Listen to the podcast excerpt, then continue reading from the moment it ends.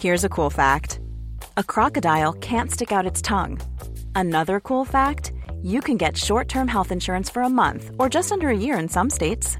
United Healthcare short term insurance plans are designed for people who are between jobs, coming off their parents' plan, or turning a side hustle into a full time gig. Underwritten by Golden Rule Insurance Company, they offer flexible, budget friendly coverage with access to a nationwide network of doctors and hospitals.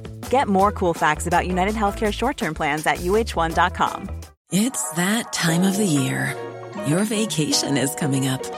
You can already hear the beach waves, feel the warm breeze, relax, and think about work. You really, really want it all to work out while you're away. Monday.com gives you and the team that peace of mind. When all work is on one platform and everyone's in sync, things just flow wherever you are. Tap the banner to go to Monday.com. Hiring for your small business? If you're not looking for professionals on LinkedIn, you're looking in the wrong place. That's like looking for your car keys in a fish tank. LinkedIn helps you hire professionals you can't find anywhere else, even those who aren't actively searching for a new job but might be open to the perfect role. In a given month, over 70% of LinkedIn users don't even visit other leading job sites. So start looking in the right place. With LinkedIn, you can hire professionals like a professional. Post your free job on linkedin.com slash people today.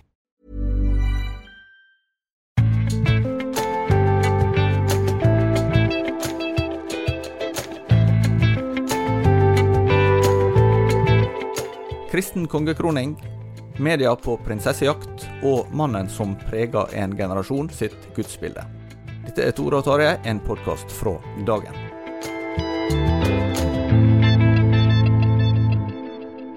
Begivenhetene står i kø, Tarjei Gilje, nå når vi er i mai. Vi har akkurat eh, sett eh, kongekroning fra Storbritannia. Og um, du er på nordiske mediedager, det skal vi snakke om, der det også Ja. var kongelige. Eh, Det er sant det. Men Tore Hjalmar Sævik, vi må først snakke litt om hvordan går det med studiene. Du har jo Ja, vært vekk et par uker nå. Det går framover. Nå eh, er jeg halvveis med levering, da. Altså, jeg skal Jeg er ferdig med halvparten av Hva er den største forskjellen på å levere fra deg en vitenskapelig tekst og en avisartikkel? Ja. Eh, jeg syns dette å kalle det vitenskapelig er litt pompøst. Ja, ja, akademisk tekst, da. Ja.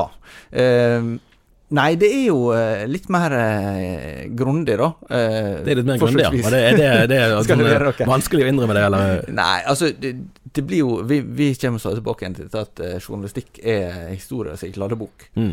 Og eh, det betyr jo ikke at en, en skal være lemfeldig med ting en skriver, men det, det er jo et øyeblikksbilde Mm. ofte, det en skriver i journalistikken.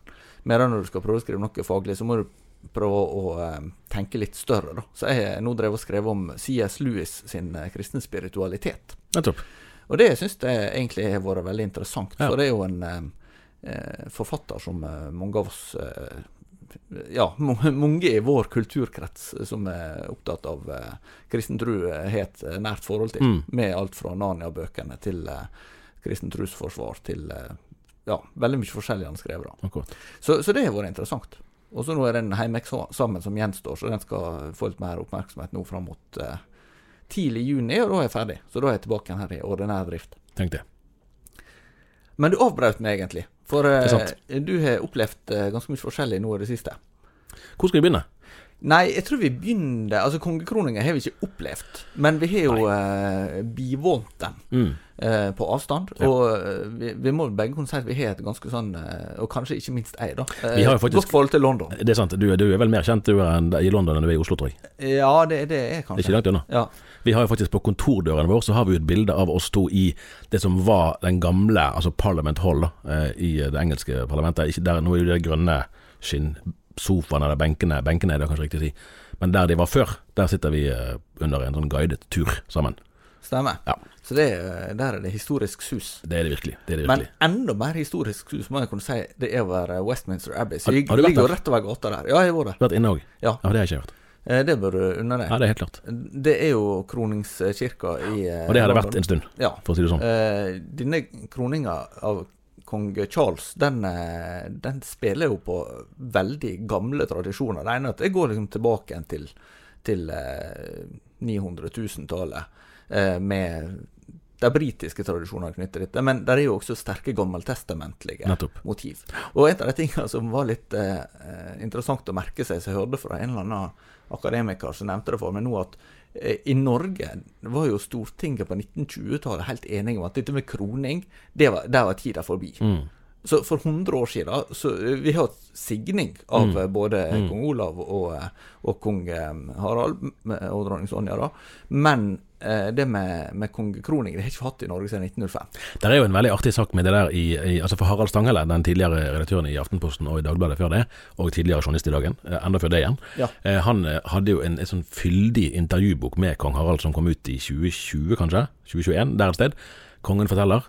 Eh, og der snakker de en del om det her. Og da kommer det frem at både med Ja, det var vel egentlig mest med kong Olav, da når han skulle tiltre som konge, så ville egentlig regjeringen, dette var jo på Einar Gerhardsen sin tid, de ville egentlig ha en ganske ja, neddempet eh, De ville egentlig ikke ha så mye kirkelig seremoni, eh, og i den grad det skulle være det, så, så skulle egentlig ikke regjeringen være til stede. Eh, men kongen ville det annerledes, og kongen fikk det som han ville. Ja. Så det ble altså det ble ikke kroning etter det mønsteret vi snakker om her, men det ble signing, og det var med regjeringen til stede. Og så ble jo det mønsteret fulgt i hovedsak med kong Harald. Eh, Og der er det jo et tillegg som er enda gøyere, på en måte. Eh, Og det er jo grunnlovsendringen i 2012. Eh? Så var det dette her om det skulle fortsatt stå at kongen er forpliktet til å bekjenne seg til den evangelisk-lutherske religion, som jo var statens religion. Og det, det skal han jo. Og det var jo visst avklart med kronprins Haakon at det var greit for han, for det er jo han det får betydning for. at det var greit for han. Men da var det jo da samtale mellom kong Harald og daværende kirkeminister Trond Giske. Eh, og, og, og kongen sier at han vil gjerne at den paragrafen skulle stå. Eh, og så er det jo statsråden sier at ja, ok, det kan være vi kan få det til, men ja, det blir en litt humpete vei. Det kan være jeg får litt bråk. Og så er det kongen sier ja ja, du får skylde på meg. Ja. Som sagt så gjort. Eh, og det er jo flere interessante eh, linjer når det gjelder monarkiet i Norge sitt forhold til, til den kristne kirke, og, eller den norske kirke, da. Eh, og ja, den, den forpliktelsen eller identiteten som, som er knyttet. Det, Kong Olav skrev jo forordet i 1987 til ei, eh, eh, ei bønnebok som ble lansert i Norge. Ja. Eh, og han eh, påpekte bl.a. at det er kirkens og de troendes oppgave å føre denne tradisjonen videre og bevare evangeliet som en bærende kraft i vår nasjon. Kong Olav mente at en styrket forbønnstjeneste vil gi større åndskraft og vil bære fram det kristne vitnesbyrd. Tenk det. Det var altså 1987. Mm. Men her er jo en slags ironi, eh, nesten, når en ser på Storbritannia. Jeg husker jeg skrev en sak i november eller noe sånt nå i fjor. Eh, For første gang så er det et flertall i England og Wales som Mm. ikke vil si at de, de regner seg som kristne. Og da tenker ikke en liksom eh, kristen i betydning tror du på eh, Jesu oppstandelse fra de døde, eller, eller på den treenige Gud, eller sånne ting. Men, men det regner du det som, som Mm. kristen. Og da, da er det under halvparten Mm. av de som svarer bekreftende på det. Ja. Og når du da ser kongen som, som kommer inn, og som, som siterer Jesus at 'jeg er ikke kommet hit for å, tjene, eh, for å bli tjent, men for sjøl å tjene'. Og du, du hadde også et sitat fra han Ja, hva? et, ungdommen som, som medvirker der. Kanskje vi skal begynne litt der. Fordi at, eh, fordi at når jeg så på, på gudstjenesten, så, så Altså det, omtrent det første som skjedde i det kongen var kommet inn i kirken, eh, så er det et barn, en 14 år gammel gutt, Samuel Strachan, han synger i eh, His Majesty's Chapel Royal. Der har han visst sunget lenge, eh, sin unge alder til tross. Eh, han står foran kongen som er Hva er det for noe, 78? Det er I slutten av, i hvert fall midt i 70-årene. Ja. 14-åringen står der, eh, og autoritetsforholdet sånn naturlig melodi er jo helt, helt omvendt. Han er 74. 74, Ja. ok. Eh, men han er det, så er det, er det barnet som sier Deres Majestet, som barn av Guds rike ønsker vi deg velkommen i kongenes konge sitt navn. Så da står barnet og forteller kongen ja, du er konge, men det er en som er konge over deg igjen. Ja, og det, det kommer jo også til syne i selve seremonien, for han tar av seg kappa på et tidspunkt. Ja. Eh, Og kneler. Altså, så, så, så For jeg så var noen som kommenterte på Twitter at her og viser det på en måte at han, han også må bøye seg som en, en Ja, vanlig synder, ja, ja. som alle andre. For da svarer han her, etter at, at dette barnet har ønsket seg velkommen, og, og snakket om kongenes konge, at i hans navn, altså i Jesu navn, og etter hans eksempel, har jeg kommet ikke for å bli tjent, men for å tjene. Dette er jo, det er jo et sånn dypt, dypt eh, kristelig eh, seremoni, eh, som har vært der så lenge. Eh, og som plasserer For man kan jo snakke om sånn at man tidligere så man på kongen som Guds utsendte, og noen mente at kongen ikke burde svare for andre enn Gud sjøl, så det var egentlig en, uskikk at de skulle ha eh, kroning i den forstand. Her er jo, er jo ordlyden veldig tydelig. At kongen er ikke eh, over eh, menneskene. Kongen eh, svarer for en, en høyere autoritet. Eh, ja, der, du kan jo si at det er jo rom for en sånn autoritær konge i det òg, og, det, og der er jo en, en utvikling gjennom historien. Men likevel, da. Det er, en sånn, det er en dypt kristen ramme rundt det hele, gjennomført gjennom gudstjenesten. Det blir jo også spennende å se hva Charles velger å gjøre, f.eks. For i forbindelse med høgtidene. Mora, dronning Elisabeth, var jo ganske tydelig. Jeg fikk nesten inntrykk av at den tydeligheten tiltok i løpet av livet med å, å uh, snakke om si kristne ja. overbevisning. Men nå kommer det fram også i The Crown, og vært kjent hverandre andre som har hatt kjennskap til at hun hadde jo bl.a. en relasjon sånn, til, til, Billy Graham, verdensevangelisten, som, ja. som hun inviterte. og ja. Og også John Stott, som også er en veldig kjent eh, kristenleder i både Storbritannia og mm. internasjonalt, mm. var jo også en av de som eh, hadde gudstjeneste for, ja. for kongefamilier. Så, sånn at det har jo vært noe som eh, hun har eh, båret med seg også både personlig og ikke bare i kraft av embetet, og også hatt denne her eh, i og med at Storbritannia har jo fortsatt statskirke, mm. eller eh, mm. Established Church, som det heter. Eh, men Um, det var jo også en nyanse i det Charles sier, og det han allerede kommunisert tidligere. at Han vil ikke som mora si at han er 'defender of the faith', men 'defender of faiths'. Og Der var jo liturgien, eller programmet, hva vi skal kalle det for, forandret ja. sammenlignet med tidligere. Men så var det verdt å merke seg at bl.a. når Justin Wilby, erkebiskopen, skulle be på slutten, så brukte han den gamle formuleringen 'defender of thy holy faith', tror jeg var ordet han brukte. Ja. Sånn at graden av For det ble jo også snakket om på forhånd at, at det var representanter for ulike religioner som nå skulle være deltakende. Det som skjedde, var at det var representanter for ulike kirkesamfunn som var med i gudstjenesten, og ute i våpenhuset, der hilste kongen på representanter for andre. Ja, men statsminister eh, Rishi uh, Sunak ja. Eh, medvirker vel også som skriftleser. Ja, men det var jo i kraft av å være statsminister. Ja, men han er jo hindu. Absolutt. Uh, og, og uh, hva heter førsteminister i Skottland, er jo nå mm. muslim. Ja. Sånn at ja, egentlig er faktisk Storbritannia mye mer multikulturelt enn f.eks. USA. Hvis du ser på hvem som, er, hvem som har de øverste ledervervene, så er det nesten ingen land i verden, tror jeg, som er så multireligiøse som Storbritannia er. Så alt dette skjer samtidig. Men, men det er på samme, samme tid i den samme gudstjenesten som kongen. Ikke bare sa han det som jeg siterte i sted, men han sa jo faktisk at han skulle være en altså På norsk høres det annerledes ut, men en reformert protestant. Ja. Hvilken konge i verden er det som faktisk har en sånn konfesjonell forpliktelse i selve kongeeden?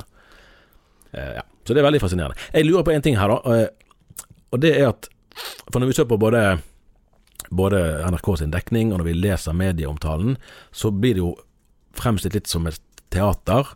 Uh, som en sånn følelse av at her, det er helt utrolig at det her skjer i vår tid. Og når han sitter der med septer og denne hansken og alt dette her som han har, at det virker som det er helt sånn eh, anakronistisk. Og det kan du si at det er på mange måter. Men her, her møter vi jo to forskjellige tilnærminger til kultur og til religion og til livet. Nemlig at, at i pietismen så er vi jo vant med å se etter hjertets tilslutning, eh, mens man i andre sammenhenger eh, ser mer etter hva er det faktisk som skjer. Eh, vi kan ikke vite hva, Carl, hva Charles eh, eh, kjente inni seg, eh, om han følte veldig sånn at 'dette mener jeg av hele mitt hjerte' når han sa det, men han sa det. Han gjorde faktisk det, og hele, hele verden kunne se og høre det. Det må jo bety noe. De, de kunne latt være, han kunne sagt noe annet, altså i prinsippet. Eh, det var faktisk det her han sa. Eh, dette var måten Storbritannia sin nye konge ble innviet. Det må jo bety noe. Ja, det er ganske Du kan for å si det sånn, mennesker kan stå med øynene lukket og hendene hevet og lyge.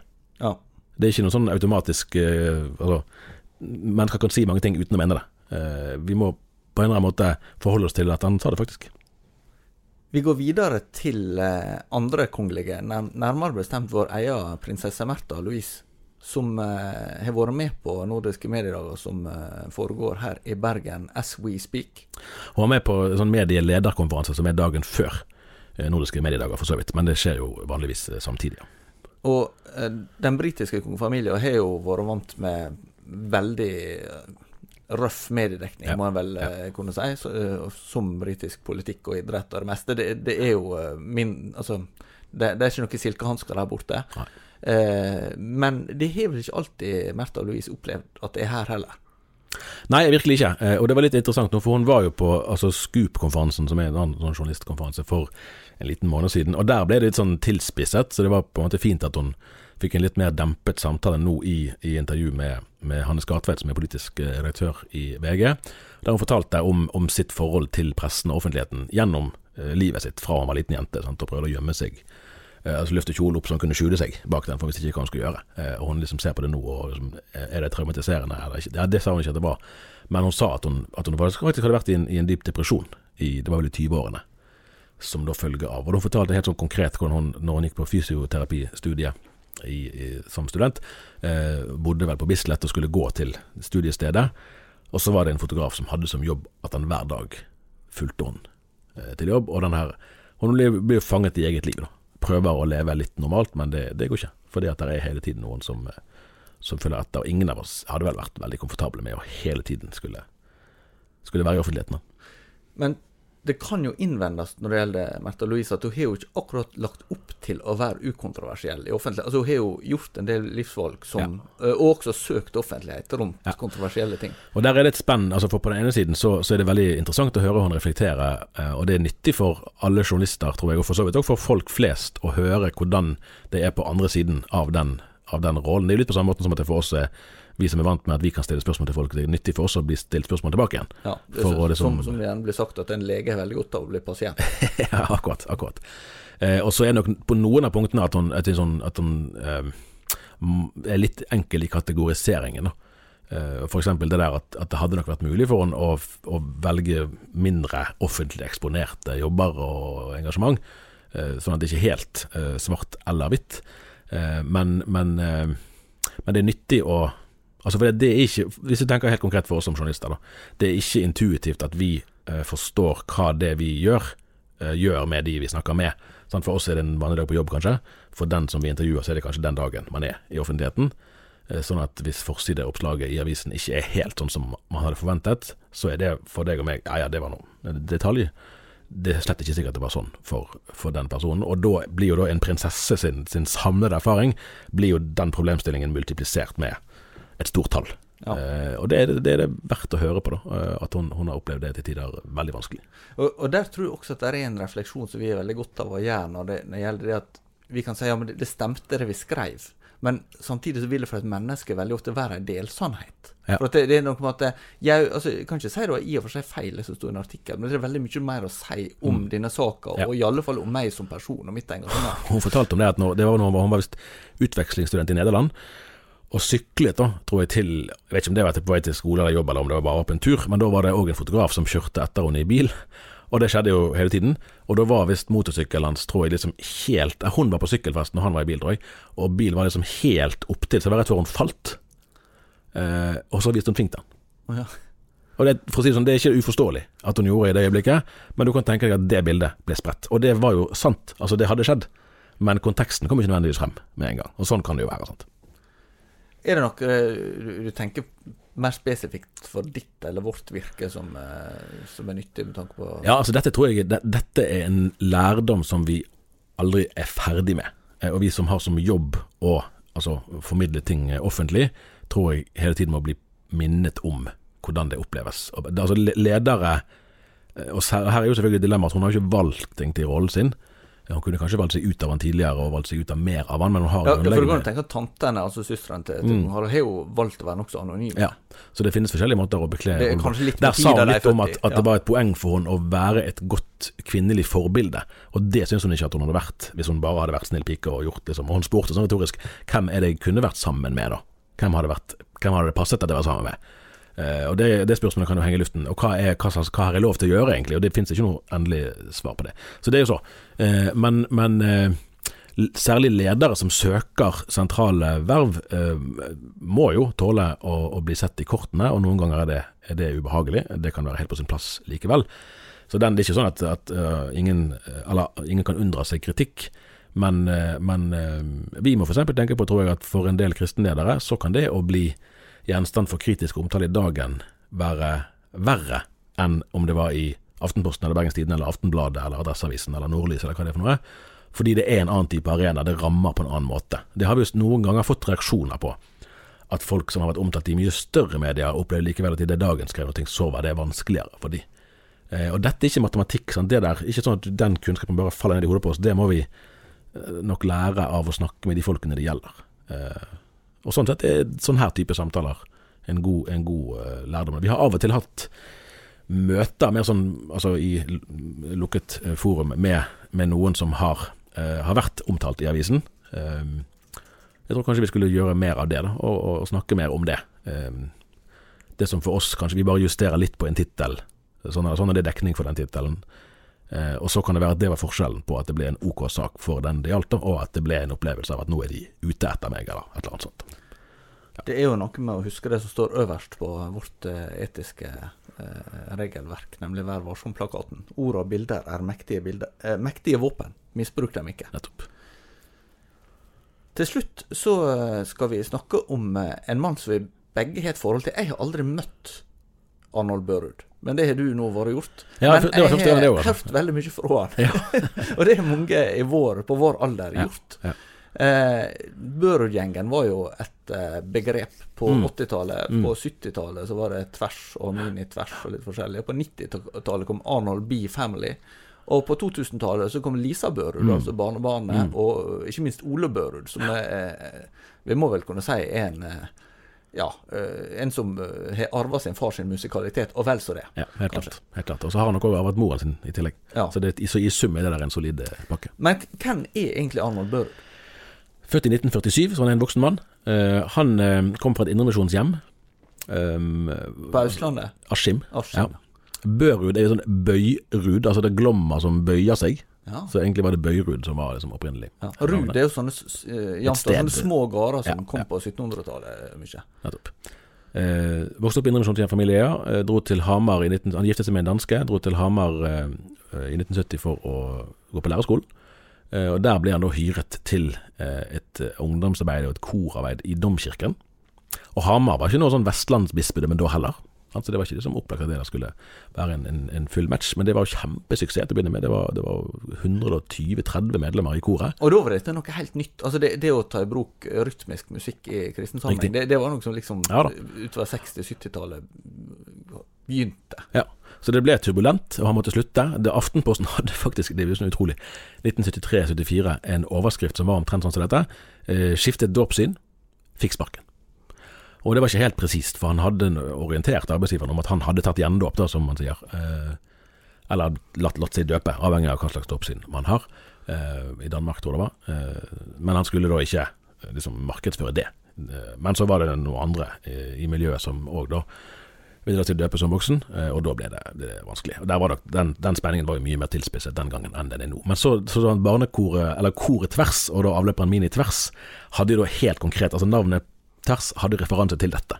At det skulle være tverrkirkelig. Ja. Sånn, sånn, at navnet er i seg sjøl en hilsen måtte, til, til den, den, konflikten som oppsto. Ja, Er minitvers mindre tverrkirkelig? Nei, det tror jeg ikke. Tror jeg ikke. Men mannen er jo et, et musikalsk eh, altså en virkelig begavelse. Jeg tror han har visst vært med på 60 altså plateinnspillinger som da produsent, artist osv. Ja, her, jo, her passer det med et sitat. Det er det det gjør, fra Bjørn Eidsvåg? Ja. ja. Du kan ta det, du. Eh, det var vel sagt i et intervju med Vårt Land, fant du ut nå ja, i 2017, var det det, om, eh, sier Bjørn Eidsvåg om Arnold Børud, at han Eh, er et av Norges mest musikalske mennesker. Muligens bare overgått av sin sønn Ole. Ja. Det var visst sånn at Bjørn Eidsvåg eh, skulle ha et, et slags sånn reunion for de som han spilte sammen med når han begynte sin karriere i 70-årene. Bjørn Eidsvåg og frender. Riktig. Ja. Eh, og da var det, var det, gruppen Frisk luft, da, der Arnold Børd var ett av fire medlemmer, som skulle liksom varme opp for dem. Og Det var jo litt sånn morsomt, for du kan tenke deg at de, de var jo virkelig Altså, i dag vil jeg si de var på hver sin ytterpunkt, eh, kristelig sett. Eh, men det var nok en, en, en respekt likevel, eh, så det, var, det, det, falt seg naturlig. Eh, ja. Men så, så fikk jo de ble, de ble etablert, Anne Marie og, og, Arnold, og fikk tre barn. Thomas og Linda og Ole. Og de tre barna utgjorde jo da Børud-gjengen. Og så til å begynne med 81 82, når den første kom kassetten, var det da. Så, så hadde de jo liksom begrepet B-gjengen på en sånn sykkel, og det vil jo mange huske. At det var, at det var liksom et merkenavn som var gjenkjennelig fra Donald Duck. Eh, men så var det jo en, en, kom det en fire-fem plater eh, etter hvert da, med, med de. Eh, og der, der er det som, jeg syns det er fascinerende å, høre på sangene nå som voksen, når jeg sjøl har barn, og så husker jeg liksom min egen opplevelse av de som barn sjøl. Dette var sanger som har formet mitt gudsbilde, og en hel generasjon sitt. Sammen med Ivar Skippervold, som, som var òg med i gruppen eh, Frisk luft, så er jo dette Det er vanskelig å, å se noen andre i Norge da, som på den tiden hadde større innflytelse på, ja, på en generasjon eh, kristne barn. Ja, og, og en, eh, hvis det er noen som sitter her og tenker jeg husker ikke noen av disse sangene der, så er det jo f.eks. Eh, 'Gud er så glad i meg'. Ja da, 'Livet er herlig' og 'Tøff nok' og Ja. eh, Så det, det er egentlig en god del sanger. Og nå er det så lenge Sola er siden. god, sola er toppen. Riktig. 'Sola på Hamar' er best, synes jeg husker disse, for de bodde jo på Hamar. Jeg husker selv særlig den den musikalen 'Skapelsen'. Riktig. vi- Ja, den har ikke, den har ikke han som skrev, men den er med på den første. Okay, ja. den, eh, den, eh, den husker jeg godt på, på kassett. Nettopp. Eh, nettopp. Ja, og det, og det, det sier noe ting, det. Eh, sånn at, sånn at her, her er det Når jeg studerte uh, kristendomskunnskap, så husker jeg vi hadde en av lærebøkene som, hadde, eller som het 'Kristen tro og livstolkning'. Og det ordet livstolkning er egentlig blitt mer og mer glad i med årene, og det var jo det han gjorde. Uh, og han, Ar- Arnold Børud er jo blitt, og Børud-gjengen, for så vidt familien der, har jo blitt, fått den her gladkristen-merkelappen på seg. Uh, han, var noe, han var ikke noe redd for den merkelappen. Eh, Nei, altså, for, for det, husker jeg med Arnold B. Family på Jeg drev og hørte litt på det nå eh, i, forberedelse. Ja, uh, og, og det er jo litt sånn eh, eh, Når livet er tungt, så hjelper du meg til å være positiv. Ja. Eh, altså, det, det, der, er, der er en sånn happy eh, tilnærming, da. Det er sant, men så er det òg det her livet er herlig, livet er bra. Så er det jo videre, selv om jeg møter motgang iblant, så vet jeg at det han sier er sant. Han gjør meg glad, derfor er jeg det bra. Så der er, der er og, og flere av sangene eh, Han synger eh, husker jeg allerede da, og det var jo tidlig for meg å høre om, husker jeg, at, at Gud er en ordentlig pappa for den som ikke har pappa. Og han synger at det er noen som har, mistet mammaen sin. Så det, det er absolutt òg eh, rom for, for å snakke om livets smerte. Det er ikke noe sånn at dette her er noe sånn happy-clappy. Absolutt ikke. Det, det slo meg egentlig mer når jeg leste gjennom og hørte gjennom tekstene nå, at her er det faktisk en større liksom, spennvidde av livets realiteter enn det jeg gjerne har, har tenkt over. Og det er akkurat der det er kanskje det punktet som jeg mest av alt syns er interessant å tenke over nå, at her, for et privilegium det var at vår generasjon da hadde faktisk noen som liksom fulgte oss på en måte, gjennom barndommen, eh, og som, som satte på en måte et kristent verdensbilde, verdensbilde i, i sammenheng. Eh, og han sa òg, det var et poeng for han å si det, hørte jeg, at, at eh, det var viktig for han at dette skulle være veldig bra arbeid, altså bra musikalsk håndverk, selv om det var for barn. For man, man kan jo tenke noen ganger at liksom, det er ikke så farlig, lag noen enkle greier, og det funker. Eh, at, at dette skulle være topp kvalitet. Så det er godt produsert, det er godt, eh, altså det, instrumenteringen er fin, de synger presist. Altså, det er skikkelig arbeid. da. Eh, og dermed står det seg òg på en annen måte enn det som kanskje får mer sånn døgnfluepreg. Hvordan tenker han sjøl om, om visjoner for, for de arbeidene drev Nei, altså fascinerende nok, for, det at, for at han er ikke en mann for sånn vidløftige utleggelser om store visjonære greier. Dette var mer ting ble til underveis. Sant? Han hadde ungdomskor, eh, voksenkor, han var med og sang sjøl. Etter hvert får han barn. Ja vel, da prøver vi etter hvert å involvere barna, da. Ja, det er flott. Og de, og de var, hadde snakket mye om det, at barna var med på det. Så det var ikke sånn at de, ble, at de måtte presses eh, inn i det og sånn. Ja, for, for nå, nå er inntrykk av Ole Børud det er jo for lengst etablert som en Mm. eh, svært respektert artist. Men han hadde jo lenge dette stempelet som lille Ole. Ja, ja. Ja da, absolutt. Eh, og det, og det, ja, det får jo han sjøl svare for hvor, hvor, om det var en belastning eller ikke, men, men sånn som jeg har forstått det, at det, det, dette har de vært sammen om, og de opptrer jo sammen. Eh, de Senest nå i på, Det var vel en sånn Avana-konferanse som Indremisjonsforbundet hadde på Fredheim i Sandnes i januar. Så var det tre generasjoner Børud som sto på scenen sammen. Så det er veldig sånn fin eh, Der skulle det gjerne vært. En veldig fin, fin eh, opptreden, det. Men det er mer at det, tok seg Altså det gikk skritt for skritt, og så ble barna ungdommer, og da tok Thomas mer over produksjonen, altså den eldste sønnen, eh, osv. Og, sånn at uttrykket endret seg, og da var det mer ungdomstematikk i, i sangene. Og så ble jo etter hvert ble de voksne, de var med i Melodi Grand Prix. Faktisk eh, kom de på andreplass i Var det i 93 eller 96? 96 var det kanskje. Eh, og de kom på andreplass, og den som eh, slo de, det var faktisk eh, Nocturne med Secret Garden, som jo vant hele greia. Ja. Så egentlig var det jo ganske langt fremme, da. Var det da de hadde 'La oss feire livet'? Ja, det tror jeg det må ha vært. Ja. For det, den var en av de som kom på topplista når jeg satt på Spotify med Arnold B. Family. Og den 'Du løfter meg opp', 'Du løfter meg opp', det er visst den som er aller mest avspilt digitalt da, av alle de har, eh, har laget. Så her er det jo, er det jo eh, mange år med Og det holder jo på egentlig. Og faktisk en sånn, en sånn X-faktor som jeg ikke visste om, det er at Linda, datteren her, hun har uh, giftet seg med en i Sverige. Det var ikke noen hemmelighet. Men de har òg sitt eget band, da. ja da, det har jeg faktisk hørt. Du har det faktisk Ja, det? med, med de to jenter.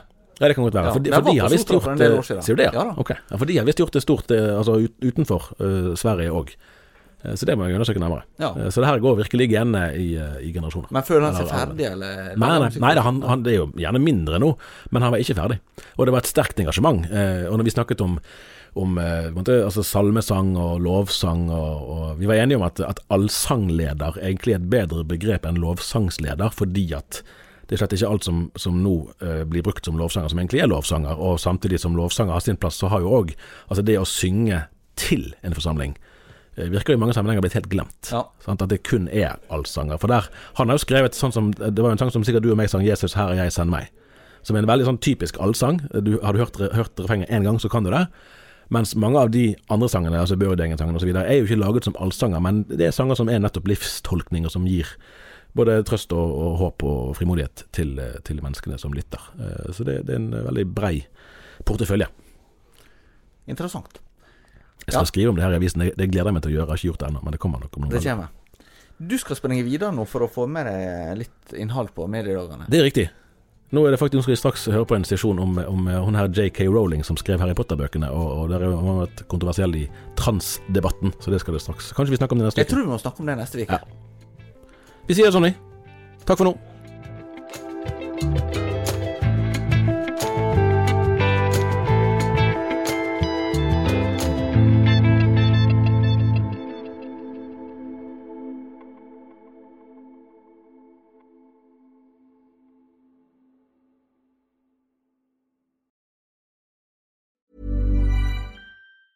Planning for your next trip? Elevate your travel style with Quince. Quince has all the jet setting essentials you'll want for your next getaway, like European linen, premium luggage options, buttery soft Italian leather bags, and so much more. And is all priced at 50 to 80% less than similar brands. Plus, Quince only works with factories that use safe and ethical manufacturing practices. Pack your bags with high-quality essentials you'll be wearing for vacations to come with Quince. Go to quince.com slash pack for free shipping and 365-day returns.